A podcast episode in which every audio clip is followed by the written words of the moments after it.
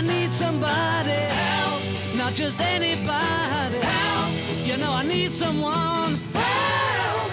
Nå skal du få tre harde fakta om ereksjon. Gjennomsnittsmannen har ereksjon 11 ganger om dagen. Gjennomsnittslengden er ca. 13 cm i erigert tilstand og ca. 9 når han er slappe. Og det er tre former for ereksjon. Den psykiske, som skyldes fantasier, og den som kommer av fysisk berøring, og den som oppstår under rem-søvn. Men det jeg vil ha svar på i dag, doktor Morten Munkvik, er hva gjør en stakkar når ereksjonen uteblir?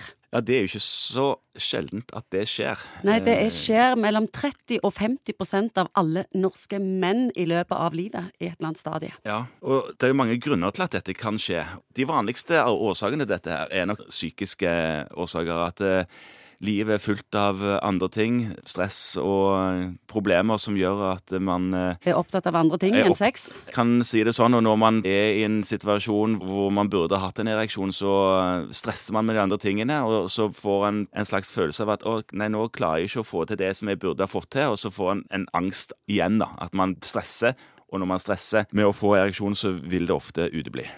Så er det andre som er fysiske, både at det kan være noen nerveproblemer som gjør det, svikt av blodtilførselen til eh, penis, og så kan det være en eller annen form for hormonproblem som eh, er grunnen òg. Så det er, det er flere grunner til at man kan få ereksjonsproblemer, og dette er jo det som en lege er nødt til å ta tak i. Jeg leste om dette, og de fleste søker ikke hjelp. Nei. Er ikke det rart? Jo, egentlig så er det det. Altså, Mye forskning viser at bare det å snakke om det og komme i gang med å prate om det som problem, vil gjøre at de psykiske aspektene ved den typen vil bli mindre. Ja, for en stor del av de som går rundt og opplever impotens innimellom, eller kanskje hele tida, det er helt unødvendig. Ja, sant. Det er jo fryktelig trist, da. Dette her er jo en viktig del av livet. Uansett om en er i fast forhold eller ei, så er jo dette en del av det som er med å definere dem som mennesker. I alle fall for veldig mange så er det viktig, og da er det dumt om en eh, ikke søker hjelp dersom det er et problem. Men hvordan går du fram? Altså, hva kan du tilby? Ja, masse vi kan gjøre. Men vil jo først av alt sjekke at eh, alle disse fysiske tingene som vi har snakket om, er på stell. For eksempel, diabetikere vil jo få noen ganger nerveproblemer som gjør at man ikke får ereksjon. De som har veldig mye overforkalkning, kan ha det som problem. Det er flere ting en kan gjøre der. Hormonproblemer kan man utrede og kanskje korrigere hvis det er noe der. Og så, ikke minst, kan man snakke om det hvis det er psykiske ting. Og det er veldig, veldig viktig.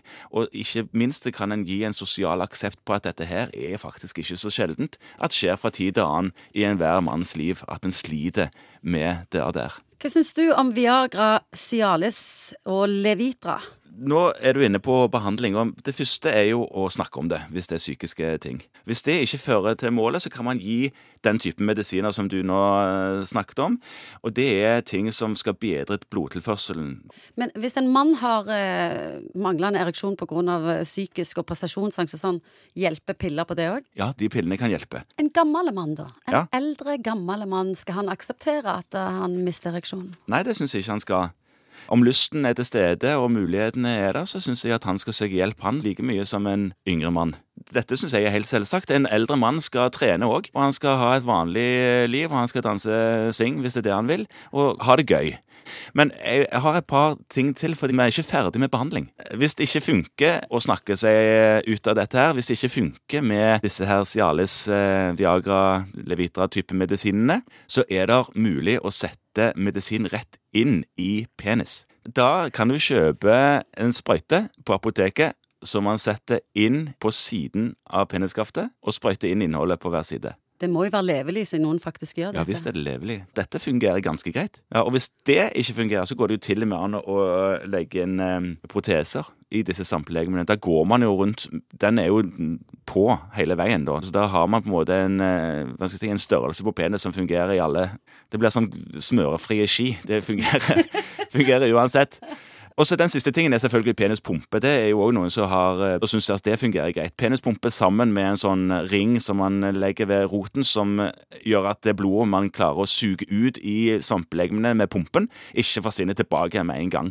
Så det holder ereksjonen oppe i en ca. halvtimes tid, og for mange så vil det være tilstrekkelig. Så vi kan konkludere med at lytter du på nå og er impotent, så er det unødvendig. Ja, Iallfall unødvendig å sitte helt alene med det, så dra til legen din og snakk med han eller hun om dette.